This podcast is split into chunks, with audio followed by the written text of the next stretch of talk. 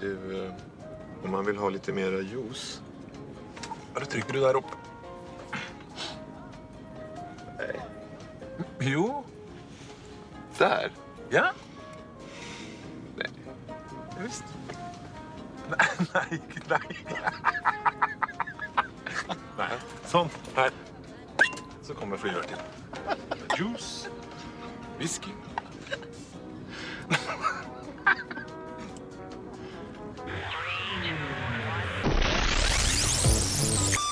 Välkommen till Prata pengar. Podden där vi pratar aktier, fonder, sparande, pension och mycket mer. Här kommer Unga Aktiesparares VD Filip Scholtze och investeraren Niklas Andersson.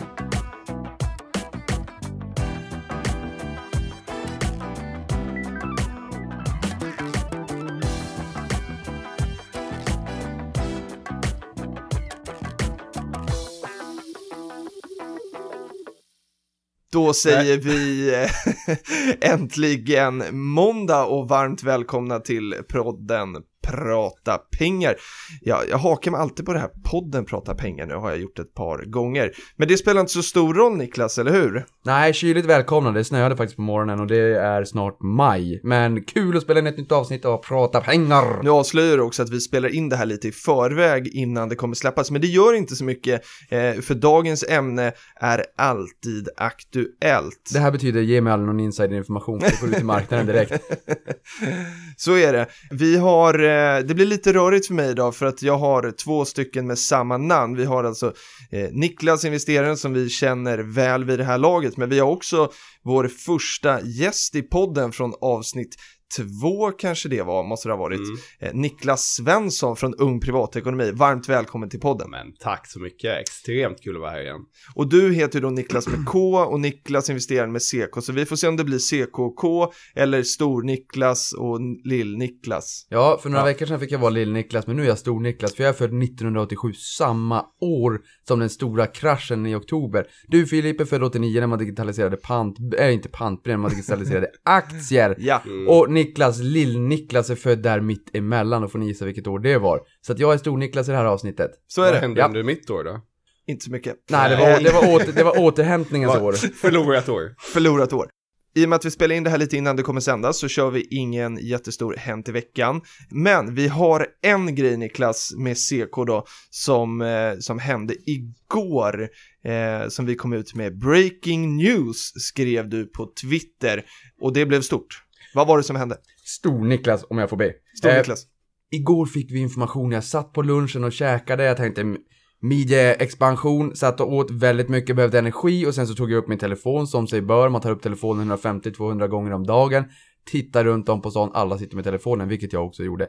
In i mejlen och kollade och såg att Riksbanken hade hört av sig och sagt att vi vill gärna delta i Prata pengar.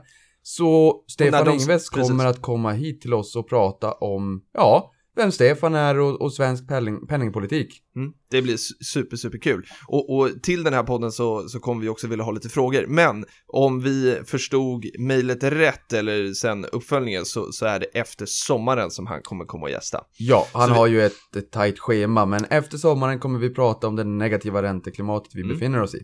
Och också hur det, för, för jag började fundera lite igår på vad ska man ställa för frågor och nu måste man börja läsa på. Det blir väldigt mycket makro, du och jag är ju ganska mikro ändå eh, och det blir liksom specifikt på sparfrågor. Men det blir intressant för då kan vi ju liksom ställa de frågorna som vi brottas med och fråga hur det han liksom styr över påverkar våra aktieplaceringar. Ja, och hold your horses. Det här, nu är det rö, rött kort. Vi måste prata om mikro makro två sekunder vad det är. Okej, Eh, eller ska vi återkomma till det? Så, jo, Ja, men vi, kan, kör vi kan säga det Ja. snabbt. Mikro är när du kollar liksom på de väldigt liten nivå till egen ekonomi.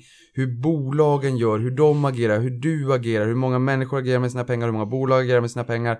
Och sen när man, det är liksom Hubble-teleskopet, man, man zoomar in på minsta cell. Mm. Och sen så zoomar man ut det stora perspektivet, man kollar ute i, i eh, vad heter I den här, världen. Nja, vad heter den här astronauten som sitter ute där i rymden och kollar ner på jorden? Bra fråga. Ja, men den i alla fall. Han sitter och tittar på det breda perspektivet, hur alla människor stressar till jobbet på morgonen. Han ser alla kontinenter Mm. samtidigt. Och där har du makroperspektivet, Ja. hur de stora dana tingen är. Mm. Så zooma ut och se hur hela befolkningen, eller hela befolkningen reagerar, hur ett företag eller regioner eller världsdelar och många företag ag- agerar. Alltså något som kan påverka våra aktier då, det här bolaget som, men där det inte rör specifikt, men det är liksom sånt runt omkring som gör att det ändå påverkar det här Ja. i mikroperspektiv. Man kan säga makro blir stora breda Ja. penseldrag. Makro kan vara penning, Räntebesked då kanske. Ja, Räntebesked, det, är, det är tillväxt och det är konjunktur Mm. och inflation och den typen av stora mått, export och import Mm. och medans mikro, det blir ju mer att vi tittar på bolagen med omsättning, omsättningstillväxt, vinst, vinsttillväxt och hur går det för bolaget? Går det bra eller går det dåligt? Man kan säga så här, mikro, då tittar man på den enskilda personen på löpband som springer och flåsar och svettas lite mycket. Och makro, då hoppar man bak två steg och tittar på hela, alla tio löpband och tittar hur alla löpare agerar tillsammans. Det Just blir det. makroperspektivet. Bra förklarat. Ja. Men då ska vi hoppa in på dagens ämne och jag tänkte så här Niklas, du har ju varit med i, eh, och nu tittar jag på lille Niklas då, du har ju varit med i podden tidigare och berättat lite om ung privatekonomi. Eh, jag och Niklas, Stor-Niklas pratar ju ofta om UP i den här podden. Men jag tänkte att du skulle kort, snabbt bara få ge en liten recap för den som kanske lyssnar på det här avsnittet som det första Prata pengar-avsnittet. Vad är ung privatekonomi? Ja, Ung Privatekonomi, kort då. Vi är ju ett projekt som helt enkelt verkar för att det ska bli mer privatekonomi i gymnasieskolan. Så vi är ute och föreläser, vi har ju tio föreläsare idag runt om i hela landet som föreläser om privatekonomi och sparande. Eh, Så vi träffade ju 25 000 elever förra året och vi satsar på att slå rekord i år och det kommer vi förmodligen göra också. Och träffa ännu fler och eh, den här siffran eh, hoppas vi kunna öka år efter år. Mm. Och sen så, förutom det så verkar vi även politiskt för att det ska bli mer privatekonomi i skolan. Helst ser vi att det ska bli ett eget ämne på skolschemat. Så att, eh, ja, det är väl lite kort om vad vi gör och eh, vi är ju inne i en rekrytering nu inför hösten också. Och eh, när det här avsnittet kommer ut kommer det fortfarande finnas tid att söka. Så att gör det, vi söker folk över hela Sverige. Och man kan jobba både deltid och heltid så att det funkar jättebra att kombinera vid sidan av studier eller om man vill göra det på heltid så är det extremt kul också och givande arbete att vara ute och föreläsa på gymnasieskolor. Så det handlar om att man ringer upp gymnasieskolor, man bokar in med en lärare kanske eller rektor om man vill träffa fler klasser eh, för att få komma dit och hålla den här timmes, en timmes inspirationsföreläsning helt enkelt. Precis, och man behöver inga liksom, utbildning, speciell utbildning eller något sånt där. Vi söker alla typer av folk. Man kan komma direkt från gymnasiet och börja jobba för oss. Det Mm. funkar jättebra. Det tycker vi bara är kul att få in sådana ansökningar.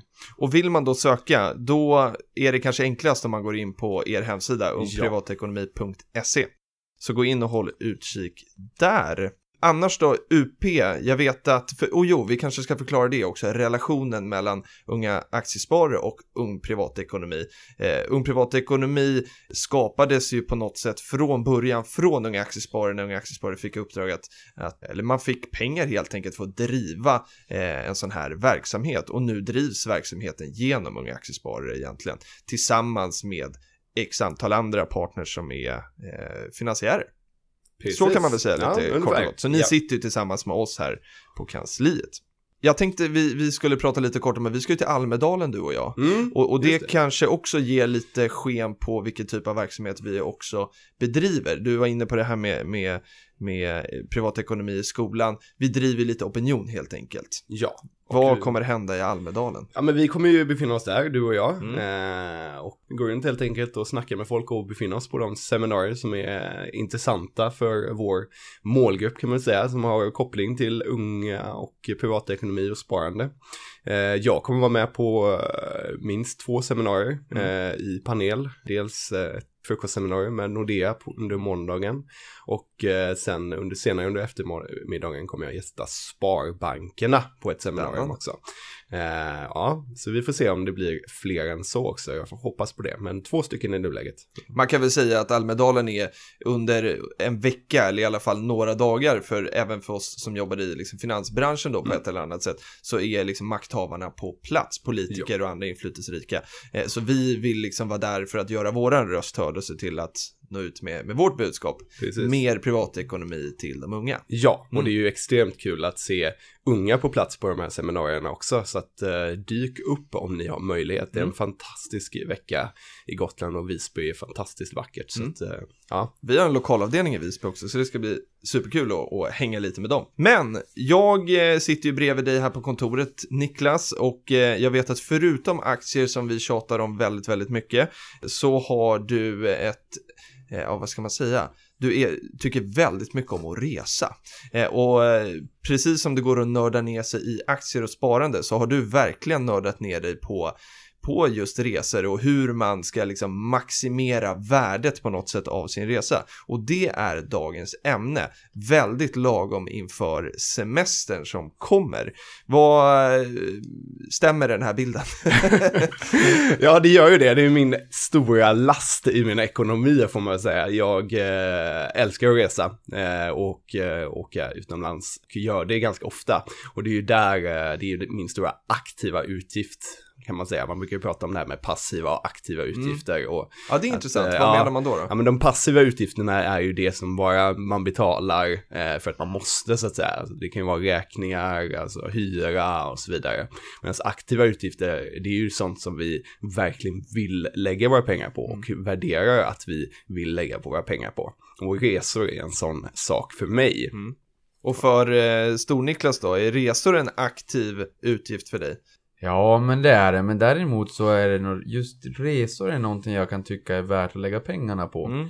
För att det Ehm, är upplevelser då? På något sätt. ja, jag tar ju inte pengar från portföljen, det gör jag ju inte. Nej, men då- det vet vi inte. Det här Ja, är... då, då ser jag till att ta pengar, nya pengar Ja. in, men, men jag kan gärna allokera dem på resor. Och, Ah, okej. och det beror Mm. nog lite grann på att jag ser det som en immateriell tillgång. Mm. Eh, är, man res, är man ute och reser och upplever saker och ting så, så har man kvar det på något sätt. Man Mm. har kvar minnena.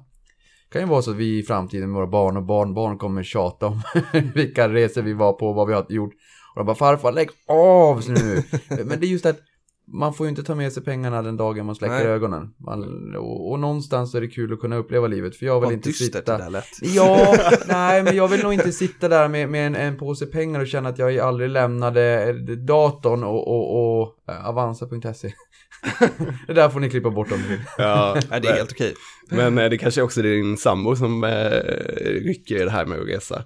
Ja, nej, det är nog, ja men faktiskt så att, att det nog är jag som gärna vill resa. Jag driver nog på att resa mest. Mm. För att jag blir, jag är nog en, en, jag skulle nog vilja kalla mig för en äventyrare fast en, en, en em, äventyrare som, som drömmer. Jag lämnar, jag, virtual reality skulle nog passa mig. det, det blir aldrig att jag lämnar liksom, jag åker inte iväg Nej, så. okej. Men just resa, jag älskar att resa, tycker Mm. det är jätteroligt.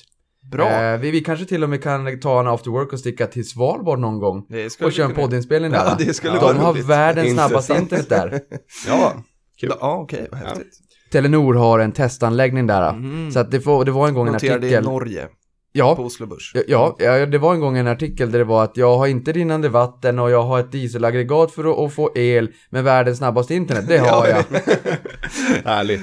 Bra, men Niklas då, hur, eh, jag vet att du har förberett lite hur vi ska liksom Mm. ta oss igenom den här, hur vi ska liksom maximera vår resa. Och jag tyckte det var bra som, som den andra Niklas då också sa här att, att det här är inte pengar från portföljen utan kanske det som är ens målsparande, Ja, någonting man allokerar. precis. En del av sparandet för att kunna göra de här upplevelserna. Vart ska man börja? Ja, vart ska man börja? Precis, nu kommer lite åsikter här från mig och Ja. eh, det blir väl lite som en bolagsstämma så här när man går upp i talarstolen kan man säga. Att säga då att eh, jag eh, representerar mig själv i det här fallet och inte ung privatekonomi. Det brukar ju vara en sån här grej som man säger när man ställer sig upp och ska ställa en fråga. Just det, ja men då Niklas säger vi. Svensson och jag representerar mig själv. Mm. Så, men med det sagt i alla fall, då ska vi kolla lite nu då på, eh, till att börja med, så när man ska boka en resa så gäller det ju att eh, lista ut vilken destination man ska Just det. åka till. Det- Inte helt enkelt. Nej, inte helt enkelt kan det vara. Det beror på lite vad man gillar och sådär. Mm. Men då kan det ju vara intressant att titta på då var får man, vad får man eh, mest för pengarna. Bra Eh, utgångsläge. helt enkelt. Och eh, då har jag lite olika kategorier här, lite olika listor Mm. där man får mest för pengarna. Helt Oh. enkelt. Ja, så att eh, till att börja med då, alltså det är ju sommar snart. Många vill åka på solsemester, sola Ja. och bada, det är härligt. Man vill ha Eh, solsäkert. precis, sitta med en drink i handen. eh, man kan ju sitta i skuggan också, inte Den kan solen. vara alkoholfri också. Ja, den kan Ja. vara alkoholfri. Jag sa aldrig att det var alkohol Nej, i det den. är... Eh, ja, och då gäller det ju att lista ut då vilket resmål ska jag resa till. Mm. Och då har ju Forex, eh, den här banken, lite då checkt ett sånt här semesterindex. Jaha. Semester, eh, där man då helt enkelt kan jämföra genomsnittspriserna. Mhm. Eh, på, eh, och då väger man in här till exempel hotellnätter, öl och restaurangnotor i det här indexet. Eh, och då kommer man fram till då vilka länder som är eh, billigaste destinationerna att resa till. Givet att det är bra sol alltså. Givet att det är bra sol, Ja. precis, för Ja. att det är ju då beräknat eh, per, kostnad per soltimme då Aha. på destinationen. Nu Niklas, nu pratar vi alltså nyckeltal på Precis. resa och Så det här sol. är, det här Ja, är nyckeltal på ja. hög nivå. Så det är kostnad per soltimme kan man säga då. Och på första plats här då, eh, när vi ska åka på solsemester i sommar, då ligger faktiskt Rhodos, Grekland. Mm. Grekland är ju en favorit bland svenskar. Grekland och Spanien är ju de länderna som vi helst reser till, ofta på sommaren. Eh, Hur, och, hur gör man där då om man vill stötta Greklands ekonomi? För de har ju haft det lite Mm. kärvt. precis. Och är det så att det är bra för mig kanske att åka och ta en grekisk sallad om jag tycker att de inte ska stöka till börsen här på sommaren? Mm. Eh, har- har- Jo men det är det ju. Ja, det är väl de, har ju en, eh, deras ekonomi drivs ju enormt av turismen. Mm. Så att eh, det är ju det som är lite, lite dåligt nu kan man säga för dem när det händer så mycket och det, det är både oroligheter i ekonomi och, och det är flyktingvågor som kommer och så vidare och man hoppas ju bara att, att folk fortfarande vill resa till Grekland för att Mm. Det är viktigt för ja, landet. det är otroligt viktigt för Greklands ekonomi. Man kan ju vara en liten investerarfilantrop och resa Ja, till det de länderna som just nu har det lite jobbigt. Ja, precis. Och ändå få en fin upplevelse. Spanien har börjat gå bättre och då kan man, kan man åka dit och äta paella. Nu, nu Mm. åker jag och äter grekisk sallad, men nu Ja. fortsätter Ja, vi. men då vet du i alla fall att på Rhodos kan du äta en billig grekisk sallad och ta en billig öl. Eh, tvåa på listan är då Varna i Bulgarien. Okej. Där får du, ja det ligger faktiskt lika med Rhodos här, du får 64 kronor per soltimme betalar du här då. eh, och sen har vi Larnaca på tredje plats i Cypern, där betalar du lite mer, det är 84 och 80 öre eh, per soltimme. Så att eh, det är ganska stort hopp där. Eh, vi, men vi går vidare här. Du har till- fler listor? Ja, ja, många Oj, listor här vet du. Eh, för att det är ju så att alla gillar ju inte att resa iväg kanske utomlands över sommaren utan Nej. man sparar några semesterdagar till senare under året. Mm. Och då har vi ju eh, många som gillar att åka på en novemberresa över eh, det här höstlovet då. Jag vet många... minst två i det här rummet.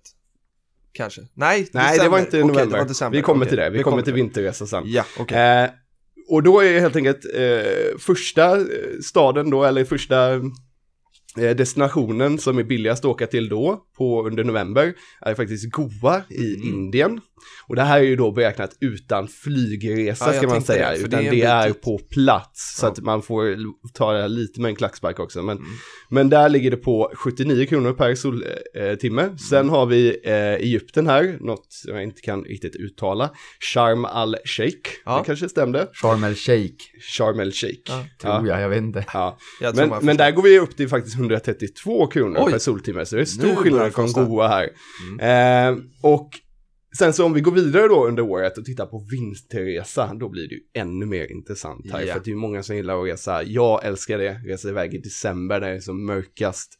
Eh, och här har vi då för förra året då vilka eh, destinationer som var billigast. Och det första då, det som var billigast för, förra året, det var då Kapstaden i eh, Sydafrika. Aha. Och det har man ju hört också, det har ju blivit extremt billigt där. Eh, delvis på grund av valutaeffekter Mm. och liknande, men också att det är billigt i landet att både äta och dricka och liknande. Och där måste jag säga att dit åker jag imorgon Ja. faktiskt. Dit åker du imorgon, Ja, just det. Då får du bra värde för pengarna här. Precis, du har ju värdemaximerat, det är det här som är himla kul. Eh, tvåa på listan här är faktiskt Bali, Jaha. Indonesien, där har jag varit. Extremt billigt ska jag säga. Eh, Och jättevackert va? Jag har inte varit där själv, men alla som jag känner vackert. Jag kan verkligen rekommendera det som resmål. Eh, finns extremt många öar förutom Bali Mm. också åka till Indonesien som är härliga. Paradis då. Men, då kommer vi till trean på listan här för vinterresa och det här tyckte jag var intressant när jag såg. För att det här är en destination som både du och jag har varit på Niklas förra året. Eh, vi bokade en resa samma, ja, att åka samma dag utan att vi visste om det själva, kan man säga. Eh, och det var då till Kap Verde, Oj, oj, oj. den eh, afrikanska ögruppen. Ja. Och här då så ligger de på tredje plats i det här semesterindexet. Och det var lite så att jag kände det när jag hörde det här från Filip, att han sa det, ja men Niklas Andersson, han har också bokat en resa till Kap Verde. Så tänkte jag, yes! Nu har jag säkert värdemaximerat här, om Niklas har bokat en resa då. Ja, det känns som att vi har betat av de destinationer där man får mest Ja. värde för pengarna. Ni kan ju tänka er vad, vad, min, vad min tjej sa när, när hon insåg att det kommer fler unga aktiespar. Hon bara nej, inte aktier! Förbaskat! Ja. och, och du kanske kommer ihåg att det stökade lite grann när vi var där. Jag På satt, börsen. det stökade Ja. på börsen, Eh, det fanns väldigt, det var väldigt dåligt med wifi på Kap Mm. måste jag säga. Det kostar 90 kronor i minuten att ringa också, för jag ringde upp till mobilsvaret och trodde att det var ett viktigt meddelande. Det kostade 200 spänn för några sekunder när jag bara la på. Men i alla fall, wifi var det väldigt dåligt om. Börsen skakade, jag satt i receptionen och kollade börsen medan hon låg vid poolen. Mm. Och precis dagen innan vi åkte hem så valde Fed också att höja räntan för första gången på nio år. Det hade marknaden förväntat sig, men det blir ändå lite skakigt Mm. när, när det faktiskt händer. Och jag vet att hon sa till dig där innan att du skulle försöka hålla dig från börsen. Men jag låg på hotellrummet och såg där att du twittrade så att jag hade koll på dig. Och då tänkte jag skriva så här, inte twittra på semestern Niklas. Men eh, jag vet inte, men, men eh, jag vet inte hur, hur du kände med det här för värdemaximering. För du bokade ju all inclusive faktiskt. Tror jag, eller hur? Ja, men det handlar om att äta så mycket som möjligt. Ja, exakt. Så att det kanske var det du satsade på det, där. det tog ett halvår att gå ner det jag Ja. gick upp på en vecka. Exakt. Nej men det var också ett fantastiskt resmål tyckte jag i alla fall. Och billigt eh, att röra sig runt och vidare. Och det som slog mig där också var att de hade en vindkraft, vindkraftpark utanför Kap Verde och det var Vestas som äger den. Mhm. Och det är det bolaget som vi har pratat om Danska. tidigare, danska, som har snurrat in 1000% på tre år. Eh, Så det såg jag. Sen eh, Hilton höll på att bygga ett hotell där också. Det var ju väldigt mycket byggnation. Ja, jag pratade faktiskt med en eh, person som bodde där om det här med varför det är så mycket byggnation och liknande. Och tydligen så är det så att om man bygger ett sånt här stort all inclusive så har man skattebefrielse i fem år på ön och i landet. Och det gör att de smäller upp sådana här hotell ofta då och eh, helt enkelt ja, låter, köper den här skatte eh, lättnaden då under fem års tid. Men sen så renoverar de inte hotellen under tiden då, utan man låter dem lite förfalla kan man säga. Så det kan man ju ja, diskutera om det är bra just det här Ja, med att det byggs så mycket då. Eh, Ja, Det här är någonting vi måste diskutera i en kommande podd, just den här incitamenterade anomalier Mm. på marknaden. För det var lite grann som när jag var liten också, var ju Turkiet en väldigt viktig, eller viktig, en, en vanlig destination att åka utomlands Ja. till. Mm. Och där kanske ni likt mig kommer ihåg att man byggde hotell fram till att pengarna var slut. Sen stod det cementskelett Mm. lite här och var. Mm. Det vill säga att man, man byggde hotellen fram till att om då pengarna tog slut, då lämnar man det bara. Mm. Där såg vi lite grann samma sak egentligen i Europa när det small. Mm. Vi hade sådana spökstäder i Spanien. I Spanien. Ja, Mm. och vi har det i Kina också. Men det är lite tråkigt att se ett, ett fint landskap med, som skulle kunna vara en härlig Mm. turistdestination och bara smacka Ja. upp en massa hotell för att man får Ja. subventioner. Mm. Absolut, jag var ju i Teneriffa förra vintern eh, och eh, det finns ju fortfarande många av de här betongskeletten kvar som du säger. Otroligt många faktiskt. Så att, eh, Som, som resetouch måste jag bara säga att Kuoni, eh, EQT som är, är ett in, innehav i Investor, köpte upp Kuoni från schweiziska börsen här för ett tag sedan och det är ju de som äger Apollo. Ja, Mm. okej. Så om ni reser med Apollo så vet ni att ni gynnar EQT som ingår i Investor, vilket innebär att har ni Investor i portföljen så får ni ju lite rabatt på resan kan man säga. Så kan man säga. För att man får tillbaka lite. Har vi Härligt. fler listor? Ja, vi har en lista till, eller vi har två listor till faktiskt. För att det kan ju vara så, vi har ju respekt för att man kanske inte gillar sol och bad. Nej. Det är inte kanske inte är någonting för en själv, utan man kanske är mer för det här med storstäder va. Och då kan vi titta på vilka storstäder som är de billigaste att åka till. Mm. Och eh, etta på den här listan är Sankt Petersburg, Mm. faktiskt, i Ryssland. Eh, otroligt billigt. Tvåa är Ho Chi Minh City. Aldrig hört talas om. Har du inte? Nej, var ligger det? Vietnam. Kina? Vietnam, okej. Och trea är Manila Ja, Filippinerna. Mm, precis, och sen har vi lite sådana här som Kuala Lumpur, Sarajevo, Sofia, Belgrad, här börjar de här östeuropeiska Mm. Städerna. Ska man, ska man titta i Europa ska man titta mot Östeuropa så är det oftast när det gäller Bra pris. Mm. billiga och bra priser helt enkelt.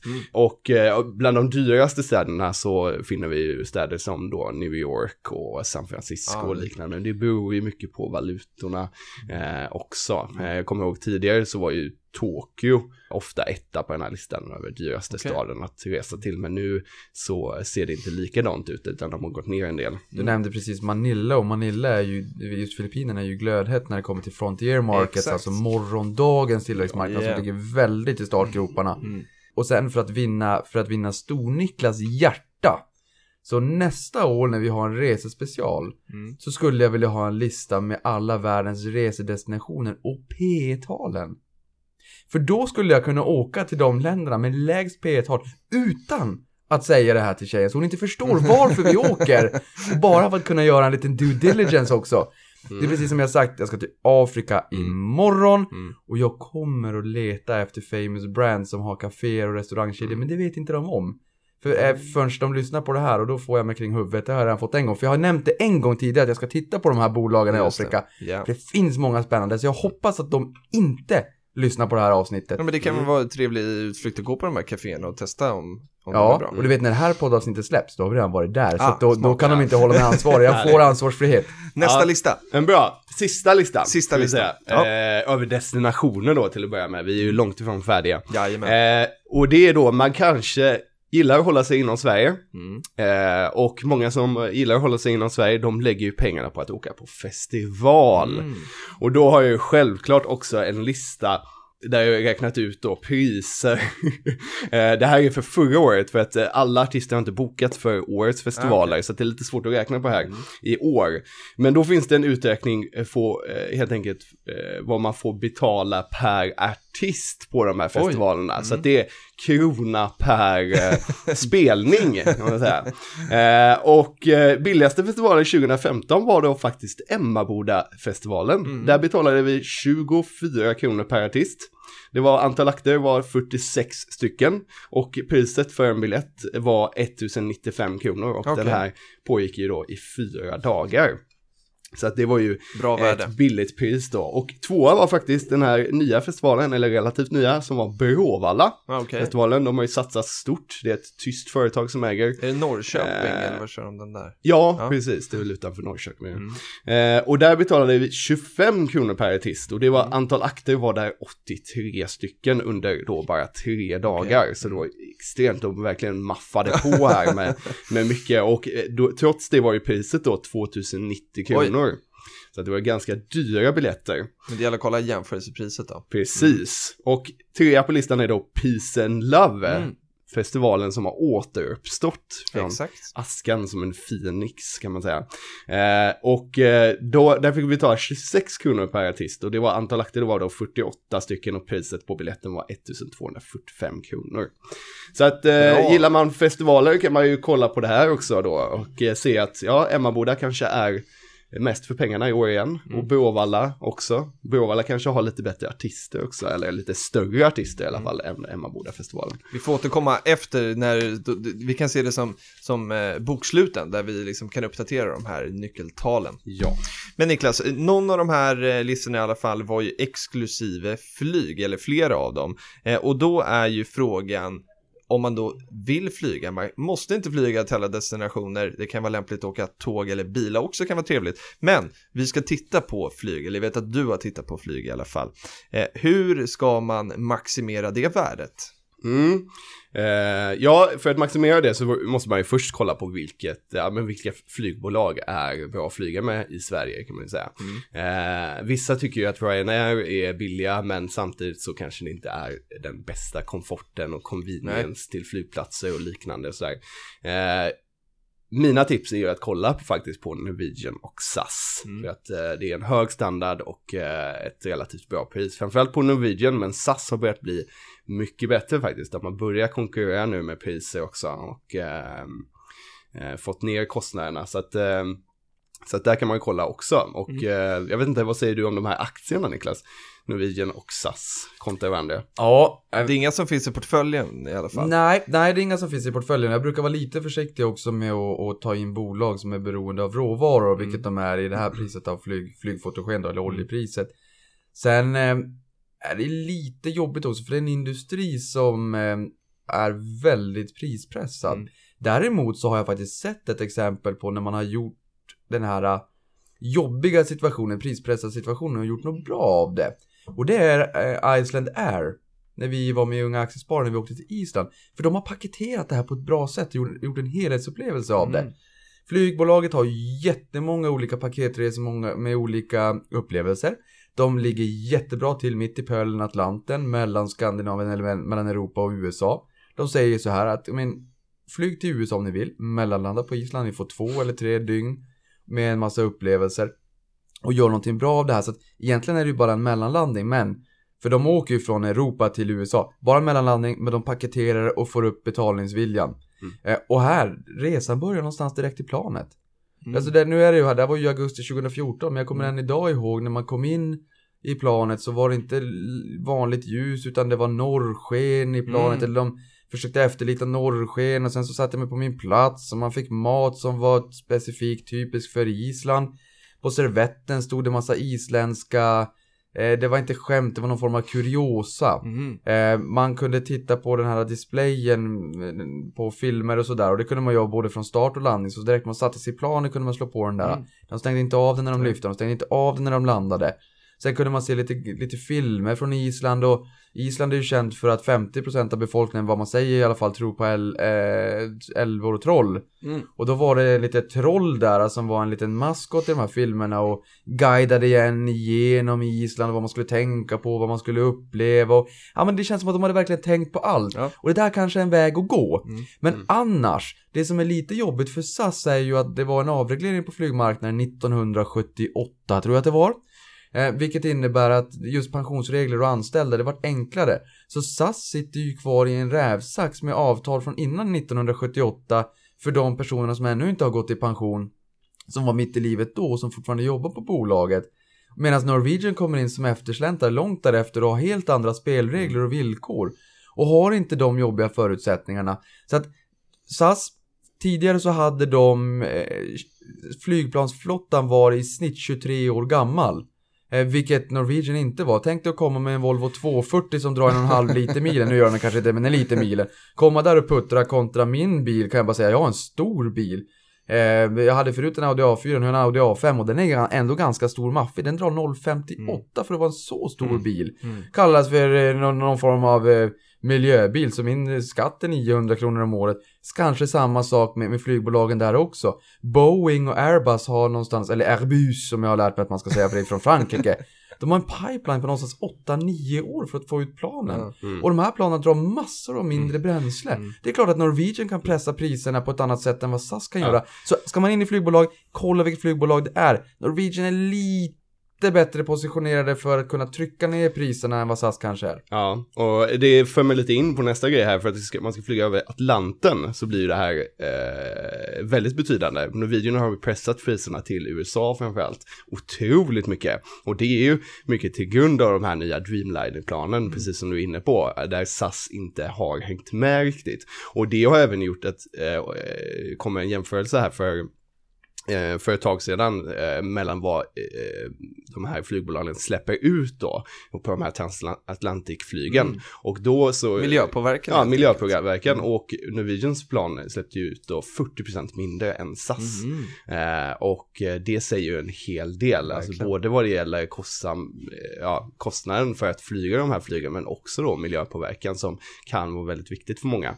Eh, och, men Ja men då, då gäller det ju att jämföra de här två, ja, men SAS och Norwegian, absolut det vet vi. Och det finns ju sådana här lågpriskalendrar man kan använda sig av här. Det är ju väldigt bra tycker jag, så man får en överblick Och nu är vi inne på sådana här jämförelsesajter då. Nej, du är Nej. inne fortfarande på Jaha, okej. Norwegian och SAS. De har Okej, sina egna sådana här det. Ja, men det- lågpriskalender. Mm. Men eh, många gillar ju att använda sådana här eh, jämförelsesajter också. Mm.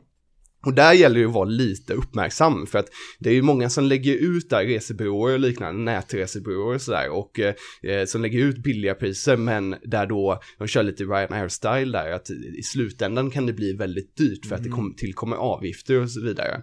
Och eh, ofta en avgift som brukar tas ut här det är en kortbetalningsavgift. Okej. Du kan betala gratis, alltså kostnadsfritt, via din internetbank men de tar ut en avgift för att betala med kort. Och det är frågan, varför gör de det? Jo, det är ju för att i ditt Mastercard och Visa så har du en inbyggd eh, kan man säga, reseförsäkring eh, om någonting skulle hända och så vidare och så där. Och eh, då vill de istället för att du ska ta den så ska du köpa till en reseförsäkring via dem då. Just. Eh, och så att väldigt viktigt är att tänka på det att om du inte betalar med kort så kommer det här falla bort den här inbyggda reseförsäkringen i SAS och Mastercard. Så att viktigt är att se över det då. Att det inte kanske är så billigt som man tror. Mm. För att varken Norwegian eller SAS tar ut en avgift för att betala med eh, ditt kontokort. Men där sa du någonting, Mm. för visst är det så att om man betalar 85% av resan med ett Visakort Mm. så, eller Mastercard så brukar det vara så att det ingår en reseförsäkring. Ja, precis. Exakt. Är det inte hälften till och med ibland?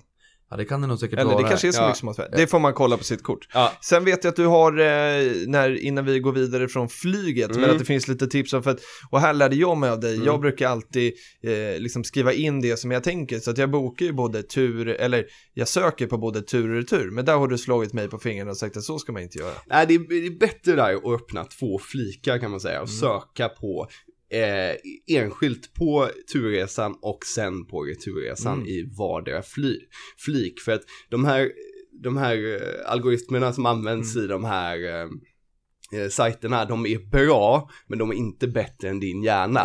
Eh, än så länge i alla fall, eller de är inte bättre än min hjärna. men, eh, men eh, då så, så gäller det här att, att eh, se upp för att då kan det bli billigare faktiskt om du matchar på det sättet istället. Eh, och det är också det här med flikar, det är också viktigt att tänka på om man gillar att boka charter. För att då är det så att eh, i många charterbolag faktiskt, till exempel som fritidsresor, och Apollo och Ving och sådär, eh, de vet att du kommer gå in på sajten ett visst antal gånger tills det att du bokar. Så att när du går in första gången så är det ett eh, billigt pris som visas. Men när du går in och då det aktiveras de här cookiesen, den ser, webbläsaren ser då att de kan se att ja men den här personen har varit inne en två, tre gånger, då kommer det vara ett dyrare pris. För att de vet då att ja men det här är så många gånger som det krävs för att man sen ska ha fattat ett beslut att boka. Så att ett riktigt bra tips där är att alltid gå in med inkognito fli- flik. Alltså man öppnar en sån här specialflik när man ska boka en charterresa, för då är du garanterad att få det billigaste priset. Och det här säger du när jag har bokat i princip alla rum till Afrika. Mm. Till nästa gång Niklas får du, får du ta med det tipset, jag har aldrig använt det här heller. så det var- Hashtag förlorad krona. Okej, men jag har, jag, tips. jag har Men- något hotellrum kvar att boka så Ja, det är inkognito-läge. men vi kommer ju in nu på det här med att boka hotell. Exakt. Ja.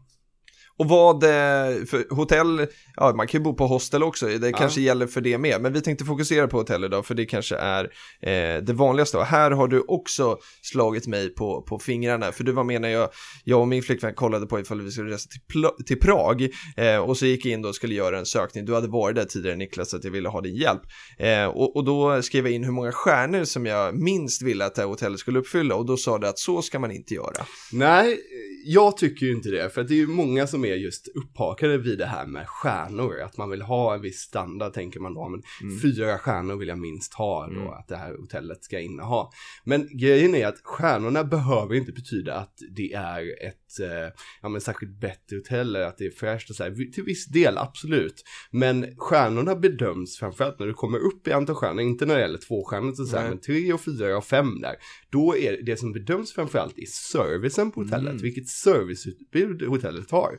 Finns det 24, eh, en reception som är öppen 24 timmar om dygnet? Finns det room service? Eh, finns det, ja men minibar på rummen och sådär? Det är sånt som framförallt bedöms då när man gör de här stjärnbedömningarna Mm. och då eh, hur hotellet tilldelas stjärnor. Alltså se, kolla på ett femstjärnigt hotell.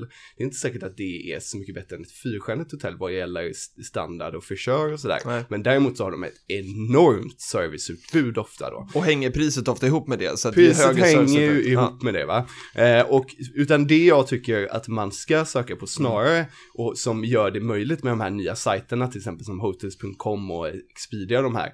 Det är att du ska söka på omdömen från Mm. resenärer. Så då kan du klicka i där att du vill ha minst fyra, att de har fått fyra av fem i betyg av resenärerna. Mm. Eh, och då även att du kollar upp då att det har tillräckligt många omdömen, men de som har många omdömen kommer komma högst upp i listan också. Men runt en hundra omdömen är bra om ett hotell har ungefär när du ska kolla på det här. Det. Eh, och då när du hittat ett sånt här hotell som du tycker är bra, då gäller det också att gå in och kanske kolla på lite recensioner, se vad folk skriver Ja. om hotellet. Men då kan du kolla några bra och några som är dåliga. Mm. Eh, och sådär. Och här finns det ju eh, också olika teorier och, och så vidare. Och jag har ju mina egna teorier Ja, inom det här också. Och, och det rör, berör lite nationaliteter som skriver här de här bli- recensionerna Det här blir spännande. kan man säga. För att, säg till exempel, vad man kan vara lite uppmärksam på, det är Ja. om det har skrivits en dålig recension av någon som kommer från till exempel USA. Mm. För att i USA har man en helt annan hotellstandard när det gäller hotell. Man vill ha helt andra saker än i Europa. Är man van vid lite bättre? Ja, eller man är van vid kanske större Mm. rum framförallt, vill man ha i USA, stora rum och ett väldigt brett serviceutbud och sådär. Eh, Medan i Europa så är det vanligt att det är små rum, ofta man åker i Frankrike, Italien och sådär. Så, kan, så att ta de här amerikanerna lite med en klackspark om ni ser, det brukar stå en sån här flagga vem, vad landet är okej. de kommer ifrån. Samtidigt också, fransmän är väldigt kritiska ofta i de här recensionerna faktiskt, är min observation. De är väldigt kritiska Ja. eh, till eh, hotellen och eh, så vidare. Är de också vana vid hög standard? Eller? Ja, det vet jag faktiskt Nej. inte riktigt. Men Men, de de, tror jag är kritiska överlag Ja. mycket. För om det inte är eh, egna franska hotell då, Ja, så. Då de kritiska. Ja, precis. Mm. Men, men då är ju frågan vilka man ska kolla på Ja, då. Alltså vilka, Vilka nationaliteter på- man ska kolla. Vilka är bra på att Ja. recensera? Mm. Och där finns det faktiskt en observation som jag har gjort och det är att det är Nederländerna. Mhm. Alltså holländare är extremt bra Mm. på att recensera. Intressant. De är pragmatiska, de är sakliga, eh, de skriver bra recensioner och eh, men vi svenskar är inte så dåliga heller, men Nederländerna de eh, har en edge när det gäller här att skriva recensioner Okej. av hotell faktiskt. Är de bra Så- på att både lyfta fram det positiva och negativa? Ja men precis, Ja. precis. Så att, eh, ja precis. Man får Och, en eh, objektiv bild. Exakt, och det, det är ju väldigt viktigt det här med recensioner och sånt där, det blir väldigt eh, mycket, alltså det har ju blivit väldigt stort på Mm. senare år att just göra det här, att, att man delar saker och ting med varandra som Mm. resenärer. Och jag har ju faktiskt jobbat med det här ett år också, sån här Mm. word of mouth Mm. marketing som det heter. Just det. Det är extremt intressant.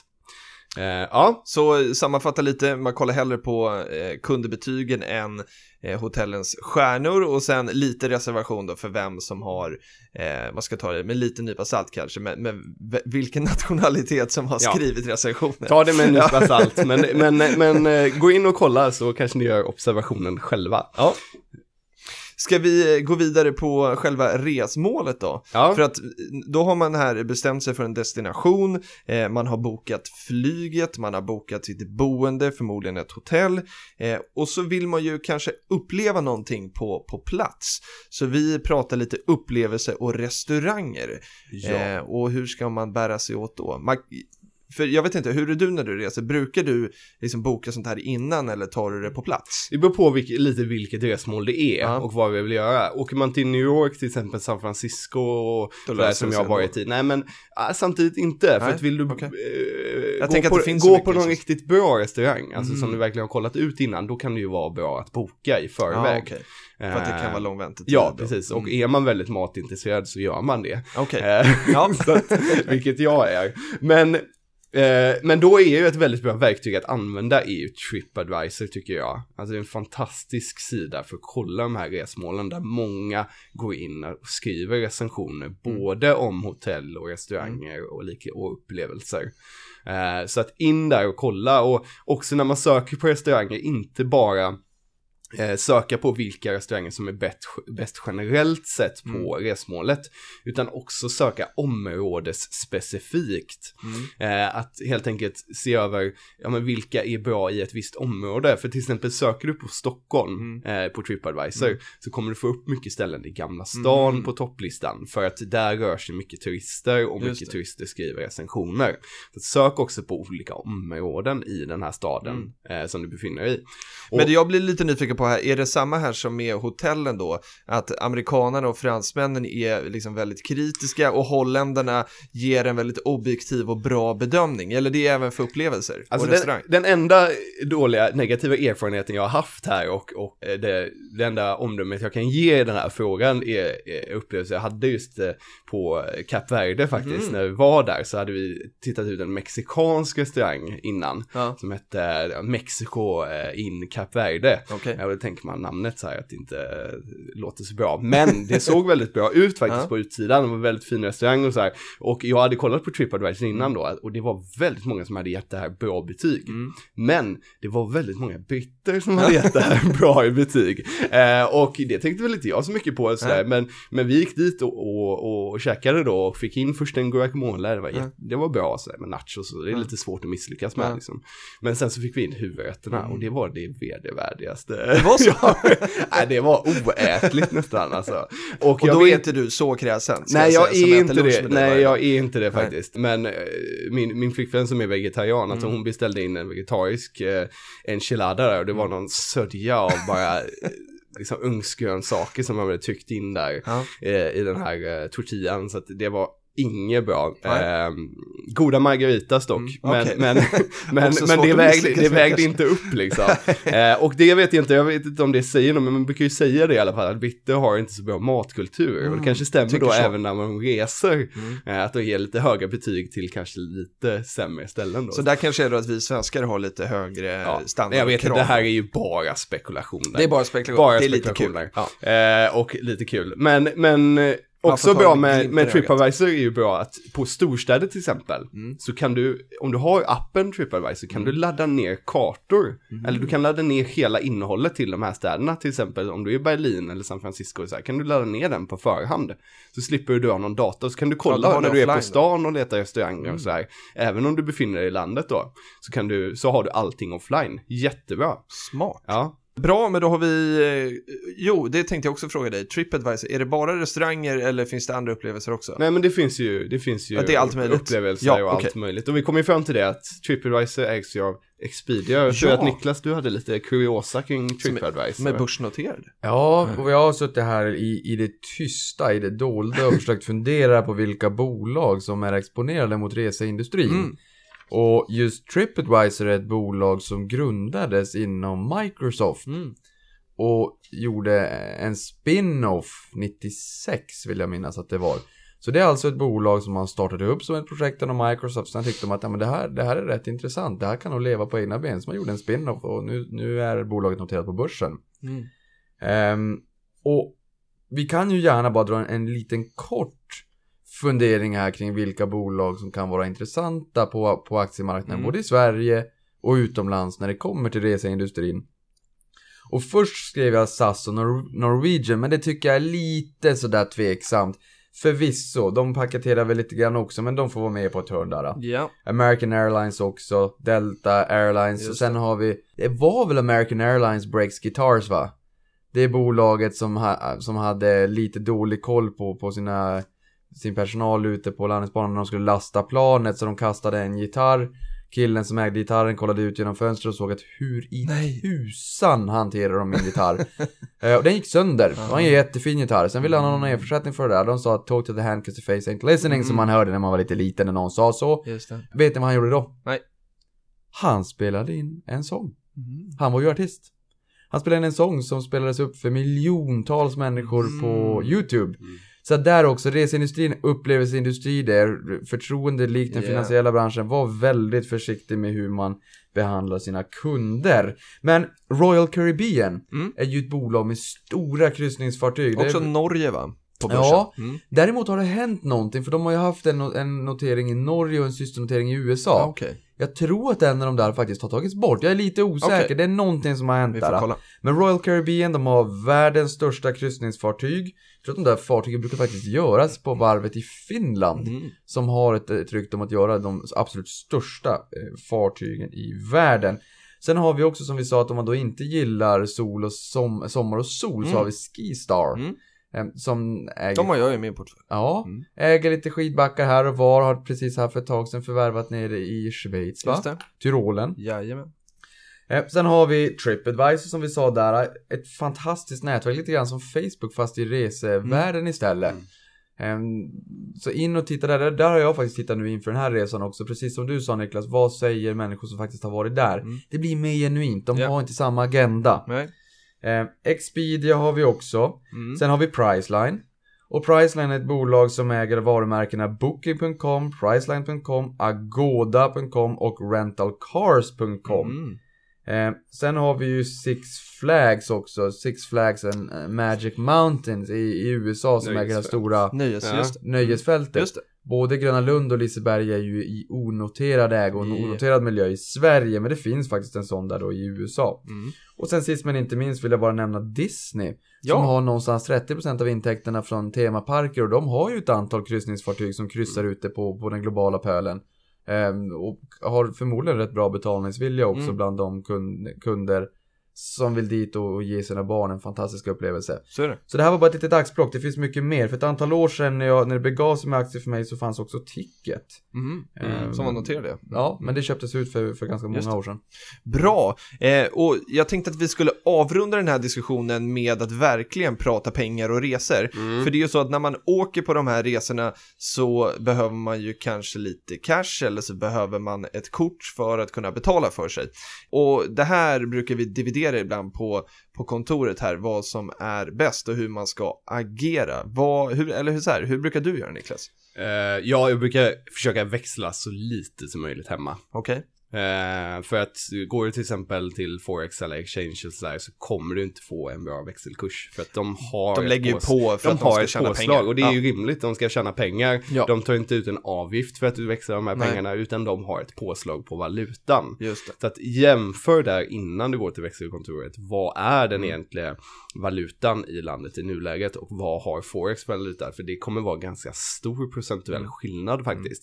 Så att riktigt bra att istället då eh, Eh, åka till landet och ta ut pengar på plats. Mm. Och eh, i EU så är det ju gratis att ta ut pengar. Eh, ingen avgift i alla fall eh, om du har Visa eller Mastercard. Okay. Eh, åker du utanför Europa. Men då eh, när man tar ut pengar ja. utomlands, får man rätta men- växlingskurser? Nej, det tänker blir ju ett visst valutapåslag. Okej, Det är dock inte lika högt som på växlingskontoren. Okej. Så att det är lite bättre. Mm. Åker du utanför Europa, då är det ju mer intressant att kolla på vad tar de ut för avgift för uttag Mm. också. Och där har ju ICA-banken varit väldigt bra Mm. eh, väldigt länge för att de har inte haft någon uttagningsavgift. Nej. Det har de fortfarande inte. Och de har faktiskt inte haft någon valutapåslag heller faktiskt. Men det här tog de bort nu i början av året faktiskt, det här med valutapåslag. Så nu har de valutapåslag. För det är väl också valutapåslag, eh, det är alltså både när man tar ut pengar men sen har du också om du betalar Ja. med kort Ja, så precis. får du ett litet valutapåslag. Precis, Mm. men, men det är fortfarande avgiftsfritt att ta ut pengar med Okej. ICA-bankens kort, eh, Mastercard, och det gillar vi ju. Och det Men- finns andra sådana eh, kortleverantörer också, men det, Ja. där kan man gå in och kika för att jag, jag har inte ICA-banken där men jag vet att det kortet som jag har har nog 1,5% som läggs på det Mm. valutapåslaget när man handlar och lite när man tar ut. Så det gäller att, att se upp för det där och titta. Nu vet du att kanske Magnus, vår vän och för detta vd på Unga Ja. Aktiesparare också sitter på ICA-banken och nu Jajamän. hör han att du inte har det. Så jag du har vet haft att, ICA-banken Ja. tidigare, men sen, sen skulle jag köpa bostad och bolån, då blev det hos en annan bank och så den resan. Magnus, om du lyssnar på det här, ring upp Ja, Filip. han, ja. han tjatat Eh, mig varje vecka. Ja, jag jag var ju kritisk till Magnus där när, när han var inne och det här med att de hade lagt på det här valutapåslaget, det gillade jag inte och Nej. det sa jag till honom. Mm. Men eh, ja. Nej, för jag använde det kortet när jag pluggade i Kanada. Det var ju perfekt. Jag tror alla mina kompisar som, som pluggade utomlands hade något sånt kort där det inte kostade varken att ta ut eller med någon valutapåslag. Så det, sånt gillar vi. En fråga till som jag har som är ganska aktuell, i alla fall för mig som ska utomlands nu här. Eh, om det är så att man betalar med kort utomlands så brukar de fråga om man vill betala i lokal Mm, valuta. ja, det här är intressant. Mm, Ja. I antingen lokal valuta eller att de ska växa, eller shoot. säger att du Ja. är i USA. Nej, men- ja. Och ja. så ant- säger de, vill du betala i SEK då på det som är på ditt kort eller vill du betala i amerikanska Ja, och dollar? växlar de själv så har jag insett att de får en betydligt sämre spread, eller tar den av- till sig själva, det blir betydligt dyrare för mig som kund. Ja, du ska alltid välja den lokala valutan när du får den frågan. Och det kan du få även på uttagsautomater och sådär, eh, ibland eh, i vissa länder. Så att alltid välja den lokala valutan, då får du bäst valutakurs. Så att det är inte att det ska växlas på något sätt direkt eller sådär, Nej. utan nej. Ja, och där kan jag ju säga, jag som har jobbat på El Banco Grande eh, i, i Sverige har ju tänkt på det där också när det kommer till eh, eh, när man växlar fysisk valuta. Det har faktiskt, jag har sett flera gånger där det har varit en spread så stor som 10% mellan spotkursen, den digitala Mm. kursen på en valuta som man ser kanske på sin börsskärm i förhållande till den kursen man får på fysiska Ja. pengar. Sen förstår jag också att det ska vara nu Nokas kanske då som kör runt med de här pengarna och ska leverera Mm. dem fysiskt, värdetransporter och sådär och det kostar att hålla dem Jo, och det allt vad det är. Men 10% det är väldigt Det är mycket. mycket. Det är Mm. väldigt mycket. Så är det. Jag tänkte att vi skulle börja avrunda. Eh, finns det något mer som vi har missat känner du Niklas eller känns det som vi har gått igenom he- det du hade tänkt? Nick, den store Niklas då? Jag, jag känner att vi missade Loomis, vi kan ju inte glömma att säga Nej, Loomis det. han kör ju också värdetransporter så att säga, så nu har vi sagt det. det. Det, det enda kanske sista som, som man kan slå ett slag för, Ja. det är väl det här med att eh, om, man, om man vill vara lite miljövänlig Mm. och, och liknande så är det ju bra att kolla upp det här med klimatkompensering när man Mm. flyger också. Mm. Du kan googla på klimatkompensering och det är inte så dyrt som man tror faktiskt. Nej, okej. Utan det kan röra sig om kanske att betala 200 kronor extra om du ska Mm. resa ut i Europa. Och, så Eh, och då går det här och- precis ja. till ett projekt som, eh, som räddar jorden. Så att- Okej. Eftersom att jag är den äldsta här i församlingen, eh, vis av erfarenhet och grått hår och allt vad det är, så kommer jag ju ihåg, nej det har jag för sig inte, men eh, jag kommer ihåg att det fanns ett bolag på börsen som hette Tricorona, Okej. som också köptes ut och det här bolaget hade som affärsidé att handla med utsläppsrätter. Mhm. Så man har ju också gjort ett försök i börsnoterad miljö att faktiskt Trada rätter, okej. Ja, och det där är mycket, jag menar att om det är så att bolag får rätter tilldelat till sig för att de släpper ut mycket och sen kan sälja de här om det är Mm. så att de inte producerar lika mycket eller om det är så att jag äger skog Mm. så kan jag, för skog det är ju bra, träd är ju bra för koldioxid, de Mm. andas ju koldioxid och Ja. vi andas ju syre. Mm. Kan jag sälja eh, utsläppsrätter så inte nog med att jag har en skog som likt håret bara fortsätter att växa, man måste gå till frissan och betala flera hundra lappar och klippa det där med jämna mellanrum. Skogen växer ju också. Mm. Och inte nog med att den växer, för den utdelningen kommer ju, man skulle kunna säga så här, skogen och, och att den växer, det blir liksom kurstillväxten på en aktie, medan utdelningen det är ju när man gallrar och säljer Mm. till holmen. Men där om de kan stå och andas koldioxid också, man får dessutom betalt för det. Det låter rätt fantastiskt. Det låter jättekul. Men det där finns inte kvar på börsen. Jag vet Nej. inte om det finns något annat motsvarande exempel globalt heller. Det, det, det vet jag faktiskt inte. Spännande. Ja. Eh, jättetack för alla tips. Det här eh, var verkligen ett bra prata pengar-tema. Eh, och till din nästa resa då Niklas och till min nästa och till din också så ska vi använda de här tipsen så att vi får mer pengar över att sätta i portföljen. För det är ju så man kan tänka tycker jag. Det är det jag går igång på när man får höra om här hur man kan spara pengar på resan och ändå få samma upplevelse. För det handlar inte om att sänka värdet utan bara betala Nej, mindre. absolut. Eller hur?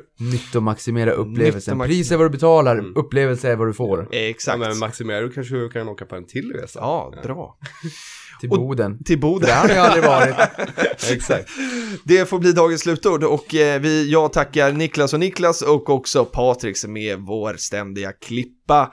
Och, Men investeraren har något sista att säga. och där återuppstod podden igen, för jag har två grejer. Jag fick inte säga någonting, men nu, nu, nu måste jag bara säga jättesnabbt, för det här är två grejer som, som är, eh, ja, de är inte bundna av tid och rum just nu. En grej bara, 63 500 miljarder kronor omfattas av negativa räntor, skrev man i tidningen. Ja, tänkte jag, det där var mycket, men man måste sätta det i relation. Så då delade det på antal människor som finns i hela världen. Ja. Så 9000 kronor per människa på planeten Tellus. Är Så mycket negativt. pengar Ja. Är i negativ räntemiljö, alltså statspapper som säljs till negativa räntor, är helt makalöst. Och den andra, vi måste bara säga det, Apples rapport igår som kom in lite svagare än marknaden förväntar sig.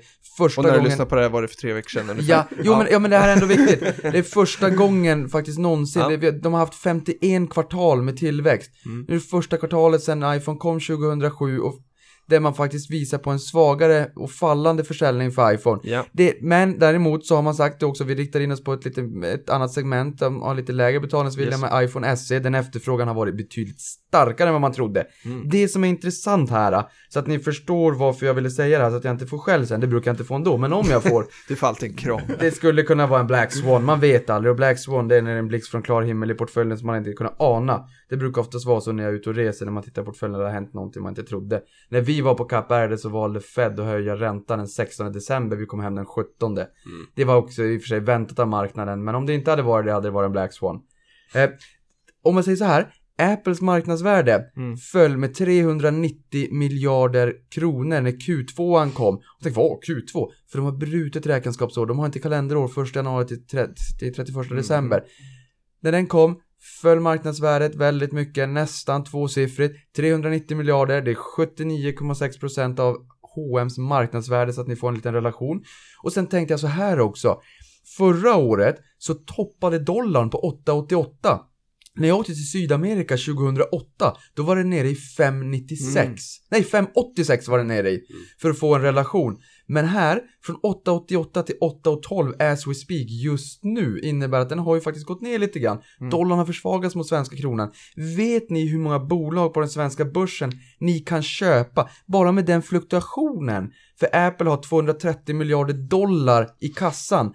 Och 230 miljarder dollar har ju blivit lite mindre värt mot svenska kronan Ja. i och med att svenska kronan har ju faktiskt blivit starkare. Förut fick vi betala 8,88 kronor per dollar och nu 8,12. Mm. Svenska kronan är starkare, den har apprecierat som vi brukar säga. Vet ni hur mycket pengar det här handlar om? Nej. 161 miljarder. Och då mina vänner, tjejer och killar, damer och herrar. Så det är därför jag var lite tyst i inledningen av avsnittet. Nu kommer det! De här bolagen kan ni köpa upp ut från svenska börsen om ni inte betalar så mycket premie. Eh, då börjar vi. För det första så kan vi köpa ut Skanska. Klart, Skanska avnoteras. Vi fortsätter med JM på det inslagna fastighetstemat. JM är nu inte längre börsnoterat. Eh, Avanza, då köper vi ut det. Jag skulle kunna sätta det i min egen portfölj, jag tycker om bolaget. Avanza är ej noterad. Likaså Nordnet, de åker också. Sen fortsätter vi. Clas Olsson, glöm det, det gubbdagiset ligger i privat ägo. Indutrade, väldigt spännande bolag.